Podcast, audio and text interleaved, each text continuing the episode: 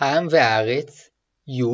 הלכה א' היחס לגר הלכות גרים הן מההלכות המופלאות שבתורה, שלא כמו בעלי תורת הגזע, הסוברים שאין לאדם אפשרות לשנות את עמו וזהותו, מהלכות גרים למדנו שכל גוי שרוצה באמת ובתמים להצטרף לעם ישראל, יכול לעשות כן.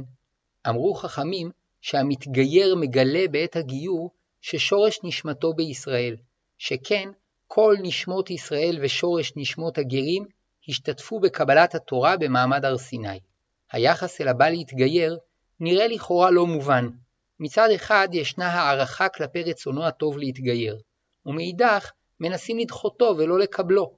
אולם האמת שהיחס לגרים הוא חיובי בלבד, ומה שמנסים לדחותו הוא כדי לברר היטב האם באמת חשקה נפשו להצטרף לעם ישראל ולקבל על עצמו עול תורה ומצוות, או שמא זה רצון רגעי שלאחר כמה שנים ייעלם ויחלוף. לאחר שהגר מתגייר, הרי הוא כיהודי לכל דבר, וצריך להיזהר בכבודו יותר מאשר בכבודו של יהודי מלידה, מפני הקשיים העצומים שעומדים בפניו, שכן עזב את עמו וארצו ושפת אמו, ובא להצטרף לעם בעל מסורת עתיקה, שלא קל לקלוט אותה, אפילו במשך לימוד של שנים מרובות. המעבר הקיצוני הזה דורש מאמצים נפשיים עצומים, וכל עלבון ואפילו קל שבקלים עלול לערער את הביטחון ולגרום לעצבות גדולה.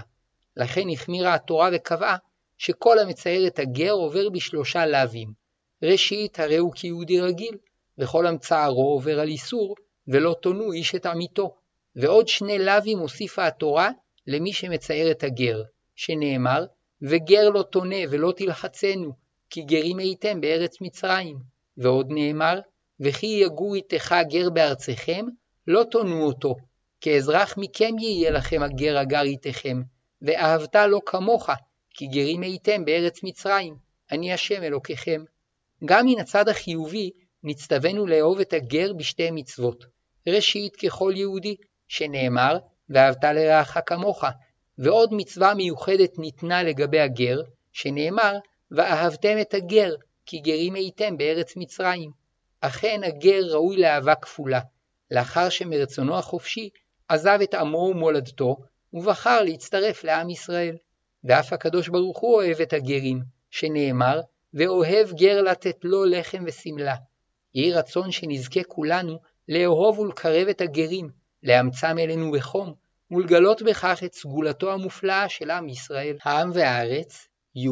הלכה ב' גיור כיצד כשיבוא הגוי להתגייר, צריך הרב לומר לו, למה לך להתגייר ולהצטרף לאומה הדבויה שלנו? וכי אינך יודע את סבלו הגדול של עם ישראל בעולם הזה?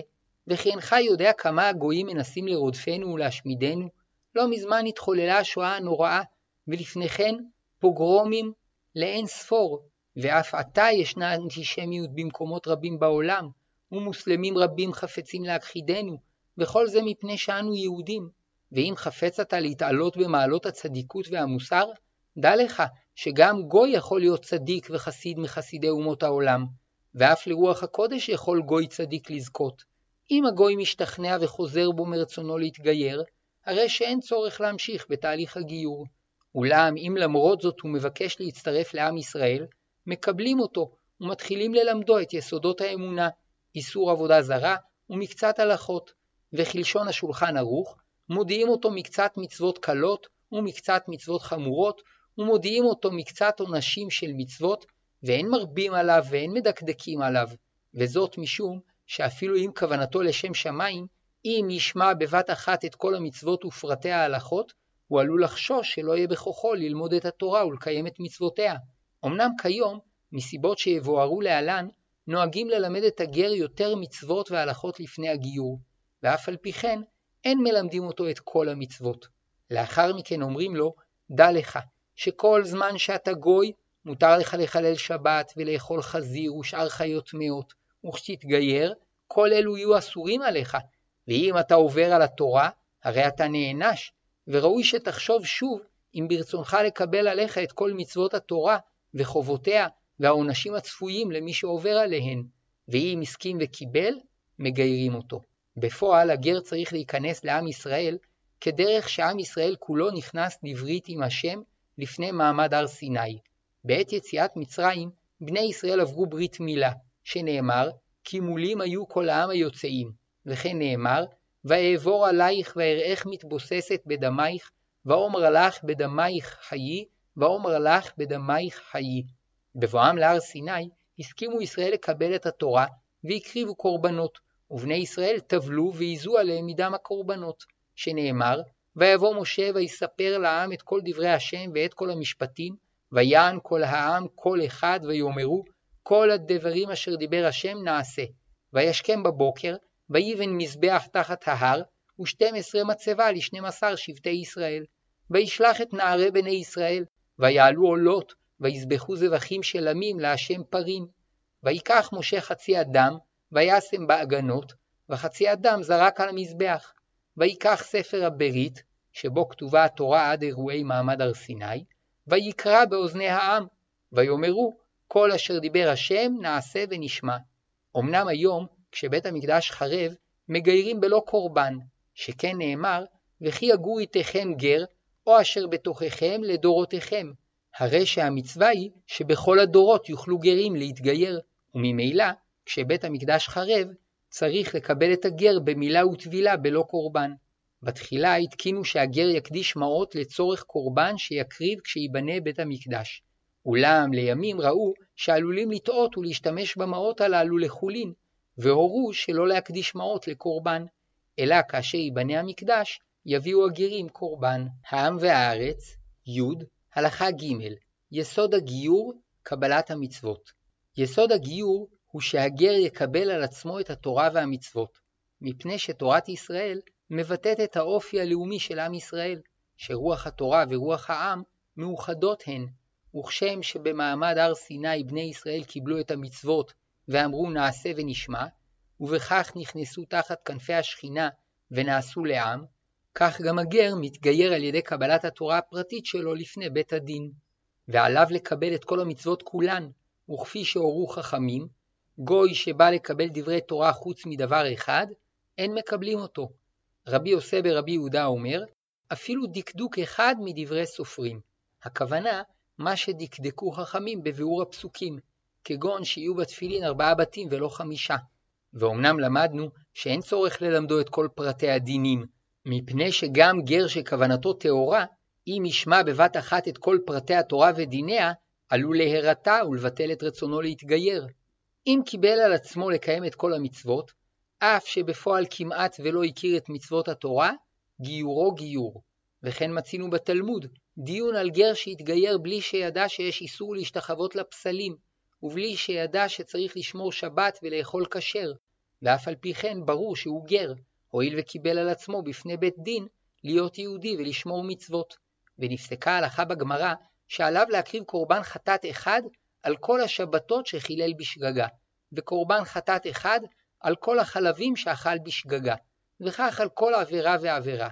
כפי הנראה, חברי בית הדין שגיירו אותו חשבו שיוכלו אחר כך ללמדו, ולא הסתייע הדבר בידם, וכך אותו גר שקיבל על עצמו את שמירת המצוות, נותר כיהודי שאינו יודע כיצד לקיים בפועל את המצוות.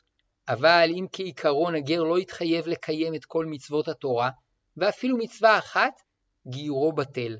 לכן גיור במסגרת רפורמית או קונסרבטיבית אינו גיור, שהואיל ועמדתם העקרונית שאין צורך לקיים את כל המצוות, הרי שהגוי שבא אצלם אינו מקבל על עצמו עול מצוות, ולכן אף שעשה ברית מילה וטבל מתוך מגמה להיות יהודי, כיוון שאין בידו קבלת מצוות, אינו גר. לא זו בלבד, אלא שאם גר זה התחתן עם יהודייה בחתונה רפורמית או קונסרבטיבית, ואחר כך עזב אותה, על פי ההלכה, היא רשאית להינשא ליהודי בלא שתקבל ממנו גט, שהואיל וגיורו אינו גיור, הרי הוא ככל הגויים שאין עמם נישואין, וממילא אם חטאה וחיה עמו, כשייפרדו אינה צריכה לקבל ממנו גט. כאשר הגר רוצה באופן עקרוני לקבל על עצמו עול תורה ומצוות, אלא שבעת הגיור הוא יודע שלא יוכל לקיים את כולן, מפני שהוא מעריך שלעיתים יצרו יגבר עליו, או שמפני כורח הפרנסה יהיה מוכרח לפחות במשך תקופה מסוימת לעבוד בשבת, במקרים כאלה העמדה המקובלת להלכה שאין מחשבתו פוסלת את הגיור, כי רק כאשר יש לו עמדה עקרונית שאינו רוצה לקיים איזו מצווה, או שמותר לעבור על איסור מסוים, אין מקבלים אותו.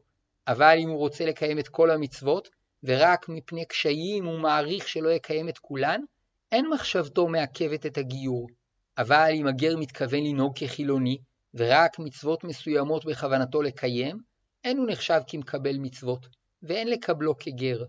אם הגר קיבל על עצמו בכנות לשמור את התורה והמצוות, ובית הדין החליט לגיירו, ולאחר הגיור הלך הגר ונחלש עד שהפסיק לשמור תורה ומצוות, עדיין דינו כיהודי, שכשם שיהודי שאינו שומר תורה ומצוות נחשב יהודי, כך דין גר שהתגייר כהלכה והפסיק לקיים מצוות. העם והארץ, י. הלכה ד' גרים לשם נישואין, כבוד או ממון. אמרו חכמים שאם הנוכרי בא להתגייר כדי להינשא ליהודייה או כדי לזכות לכבוד או ממון, אין מקבלים אותו, מפני שאף אם הוא מצהיר על רצונו לקיים מצוות, מסתבר שאין כוונתו טהורה, ויש לחשוש שכאשר ייתקל בקשיים, יזנח את התורה ומצוותיה. כיוצא בזה אמרו חכמים, אין מקבלים גרים לימות המשיח, מפני שהמניע לרצונם להתגייר אינו לשם שמיים, אלא לשם הכבוד שיהיה אז לישראל. וזו הסיבה שגם בימי דוד ושלמה לא קיבלו גרים. וכל זה לכתחילה. אבל אם למרות שהנוכרי בא לשם נישואין או ממון או כבוד, בית הדין נהג שלא כפי הוראת החכמים, והסכים לדון בעניינו וגיירו, גיורו תקף ודינו כיהודי. זהו שאמרו חכמים, שבימי דוד ושלמה התגיירו 150 אלף גרים, שבתי דין של הדיוטות קיבלו, וקראו לאותם דיינים הדיוטות, מפני שלא הקפידו על ההוראה שלא לקבל גויים הבאים לשם כבוד. ואכן פעמים רבות, הגרים שהתגיירו לשם נישואין וממון הכבוד, לא קיימו את המצוות, ופעמים שאף חזרו לעבוד עבודה זרה. וכך היה עם הנשים הנוכריות שנשאו שמשון ושלמה, שהן אמנם עברו גיור כדת וכדין, וקיבלו על עצמן בפני בית דין לקיים את כל המצוות, אבל כיוון שלא התגיירו לשם שמיים, אלא כדי להינשא לאנשים נכבדים כשמשון השופט ושלמה המלך, לא היה גיורן בלב שלם, וסופו של דבר שחזרו לעבוד עבודה זרה. אולם להלכה, כיוון שהתקבלו כדת וכדין בבית הדין, גם לאחר שחזרו לסורן, דינן כדין יהודיות שעובדות עבודה זרה. על המקבלים גרים שלא התגיירו בלב שלם, אמרו חכמים, רעה אחר רעה תבוא למקבלי גרים, שהם מכניסים לעם ישראל יהודים שמתנהגים כגויים ומחטיאים את ישראל. העם והארץ, י. הלכה ה' שאלת הגיור בנישואי תערובת וזרע ישראל. בדורות האחרונים, בעקבות הצרות, המלחמות והחולשה הרוחנית, המסגרות הדתיות והלאומיות נפרצו, ורבים מבני עמנו התחתנו עם גויים, והתעוררה שאלה קשה, מה לעשות במקרה שזוג מעורב, אחד מהם יהודי והאחר גוי, בא לפני בית דין, והגוי רוצה להתגייר. מצד אחד, נפסקה הלכה שאין לקבל גוי המבקש להתגייר לשם אישות, וכאן קרוב לוודאי שאילולא הגוי יתקשר עם יהודייה, או הגויה עם יהודי, לא היו חושבים כלל על גיור. אולם מצד שני, ההלכה היא שאם בית הדין יקבלם, בדיעבד הגיור יתפוס, ועל ידי כך נחסוך מהיהודי את האיסור החמור שבחייו המשותפים עם בן זוגו הגוי. למעשה הורו רוב הפוסקים שאם הגוי מוכן לקבל על עצמו את עול המצוות, יש לקבלו לגיור.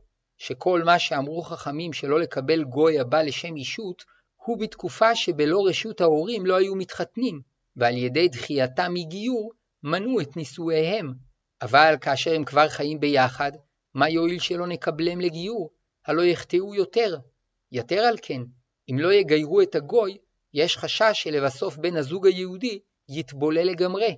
וכל מה שאמרו חכמים שתבוא רעה לבית הדין שמקבל גר לשם אישות, הוא דווקא כאשר על ידי קבלתו הוא נכנס לישראל, ועלול להשפיע עליהם לרעה.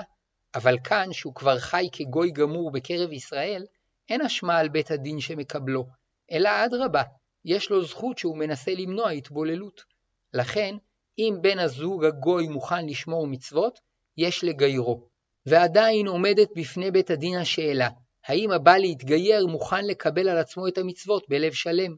שכן רוב הבאים להתגייר לא התעוררו לכך בעקבות מחשבות על אמונה ותורה, אלא מפני הקשר שלהם לעם היהודי דרך בני זוגם, או מפני שאחד מהוריהם היה יהודי, והם או הוריהם החליטו לעלות לארץ ולקשור את גורלם עם העם היהודי. וכיוון שלדאבון ליבנו לעת עתה רוב היהודים אינם מקפידים לשמור את כל המצוות, באופן טבעי הבאים להתגייר סבורים שקבלת המצוות אינה הכרחית, ולכן גם כאשר הם עומדים בפני בית הדין ומביעים רצון לקיים את המצוות, יש לחשוש שאין מדובר בקבלת מצוות שלמה.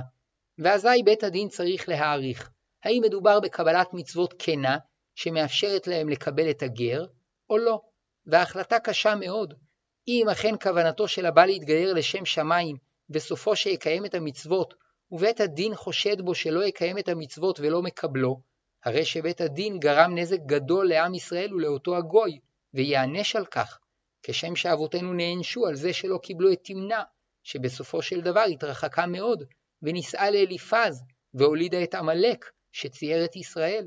מאידך, אם בית הדין יקבל את מי שאינו מתכוון לקיים את המצוות, יזיק לעם ישראל, ועל זה אמרו חכמים, רעה תבוא למקבלי גרים, וקשים גרים לישראל כספחת. העם והארץ, י. הלכות גרים, הלכה ו' שיטות שמאי והלל. ישנם מקרים מובהקים שבהם ברור שהגר מתכוון בכל מלוא הרצינות לקיים את המצוות, ובית הדין מקבלו בלא פקפוק. ויש מקרים שבהם ברור שאינו מתכוון לקיים מצוות, ובית הדין דוחה אותו בלא ספק. אולם ברוב המקרים יש ספק, וההחלטה נתונה להערכת חברי בית הדין, שעמדתם תלויה במידה רבה באופיים ובניסיונם. אם הם נוטים לחסד וגישתם אופטימית, או שנפגשו עם גרי צדק רבים, תהיה אצלם נטייה להאמין להצהרת הבאים להתגייר. ואם הם נוטים למידת הדין ועמדתם מפוכחת, חשדנית ופסימית, או שכבר נפגשו עם גרים שנוהגים כחילונים, יפקפקו בכוונת הגר ולא יסכימו לקבלו.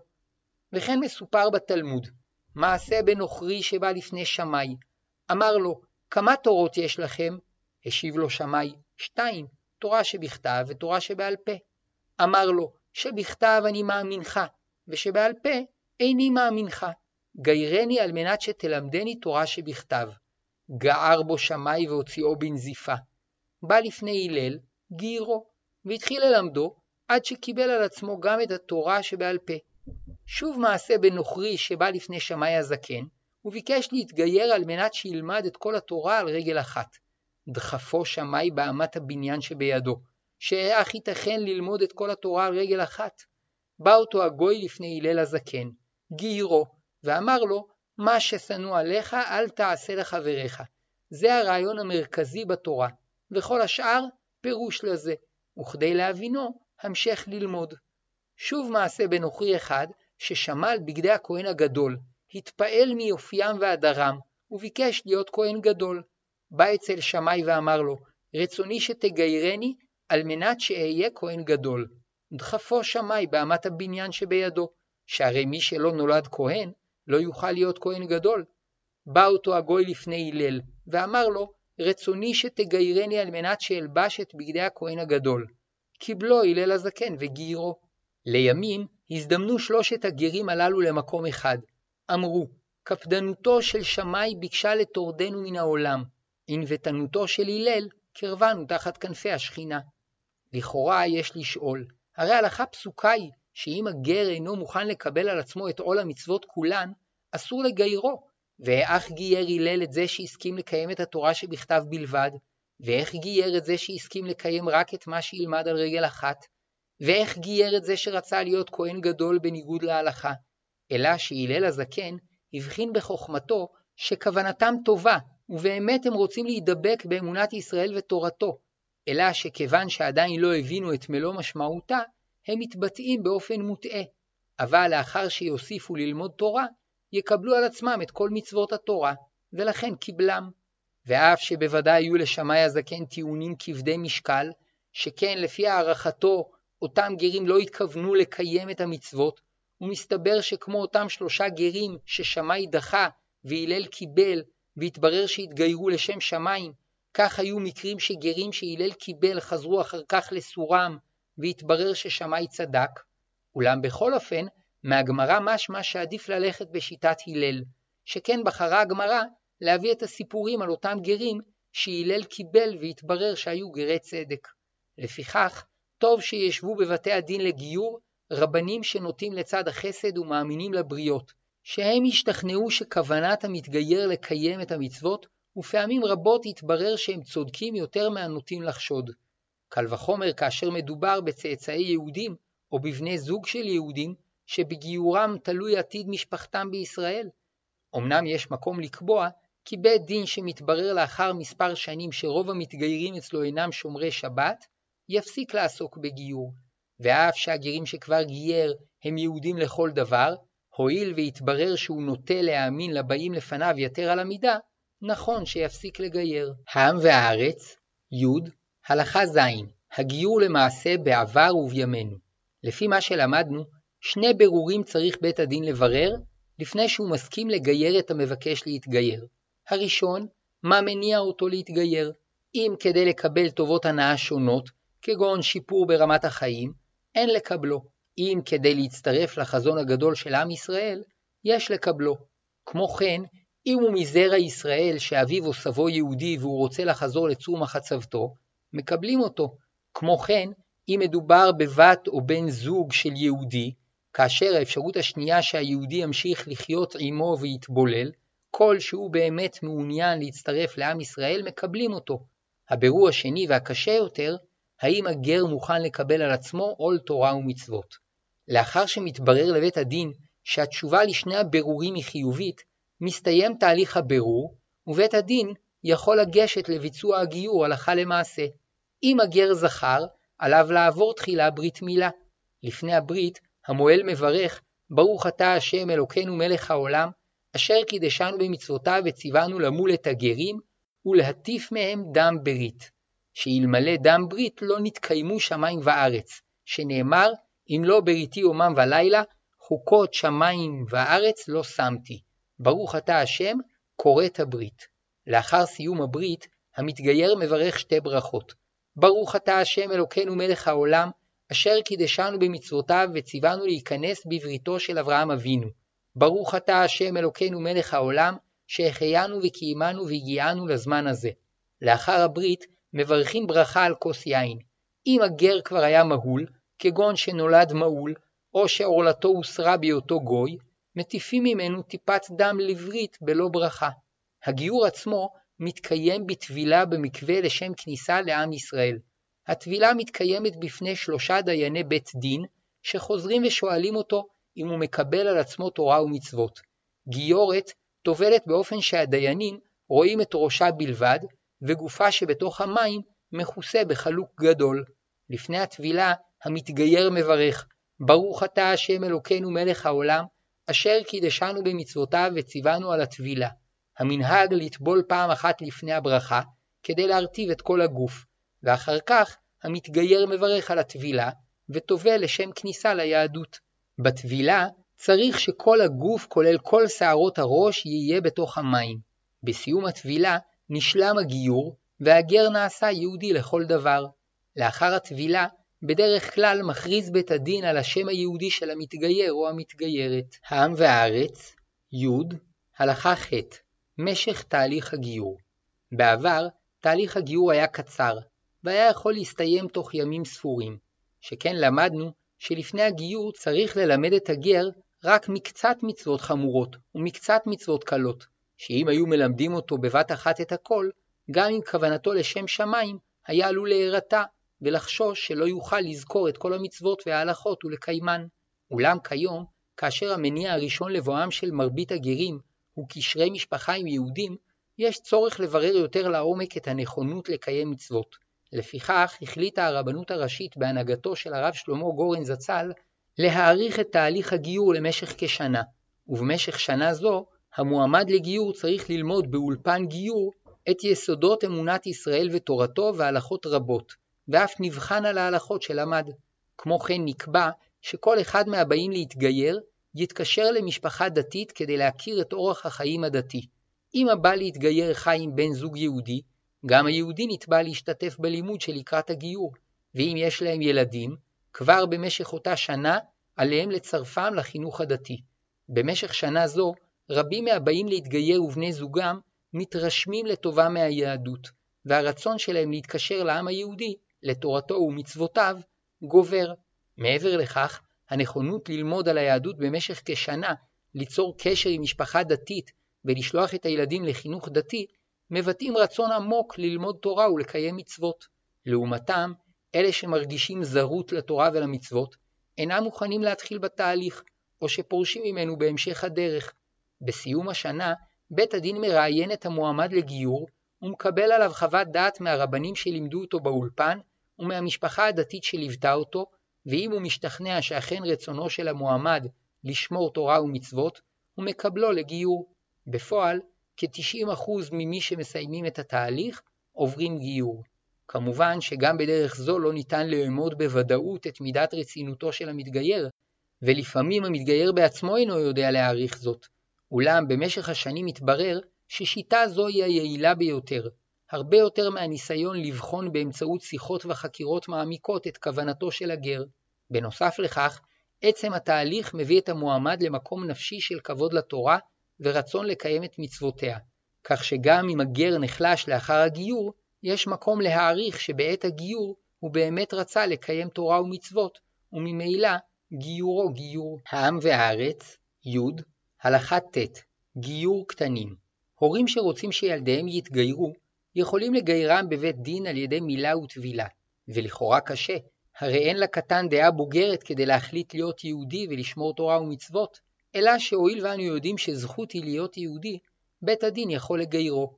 כלומר, בנים מתחת לגיל 13 ובנות מתחת לגיל 12, שמבחינה הלכתית אין להם דעת, גיורם נעשה על דעת בית הדין, הקובע שמבחינה עקרונית טוב להיות יהודי, ולכן מזכים את הקטן ומחליטים למענו ומגיירים אותו. כמובן שאין בית הדין הולך לחפש ילדים גויים כדי לזכותם בגיור, אלא מדובר במקרים שמשפחתו של הקטן רוצה לגייר אותו, כגון שהוריו באים להתגייר והם חפצים שגם בנם יתגייר עמם. לעתים מדובר באב יהודי ואם שאינה יהודייה, שאומנם אין בכוחה שלהם להתגייר, אבל הם רוצים שבנם או בתם יתגיירו. כמו כן, זוג יהודים שאימץ ילד גוי יכול לבוא לבית הדין ולגייר את ילדם המאומץ, שהואיל והם האפוטרופסים שלו, ודאי שהילד מעוניין לעשות כרצונם. במקרים נדירים, כאשר אין מבוגר שאחראי על הקטן, יכול הקטן לפנות בעצמו לבית הדין ולבקש להתגייר, ובמידה ויתברר לבית הדין שהדבר מתאים, בית הדין יכול לגיירו. אמנם גיורו של הקטן, כל זמן שלא הגיע לגיל מצוות, אינו מוחלט, שאם כאשר הבת תגיע לגיל 12 או הבן לגיל 13 ימחו ויאמרו שאינם רוצים להיות יהודים, תפקע מהם הגרות. אבל אם בהגיעם למצוות יקיימו מצווה אחת כיהודי, למשל הבת תפריש חלה או תתפלל, והבן יניח תפילין, הרי הם כבר יהודים לכל דבר, ושוב לא יוכלו לחזור בהם. אישה שנתגיירה בהיותה בהיריון, הילד שתלד יהודי לכל דבר, ואין צריך להטביל לו לשם גרות, וגם אחר שיגיע לגיל מצוות, לא יוכל לבחור להיות גוי, מפני שכבר מלידתו הוא יהודי.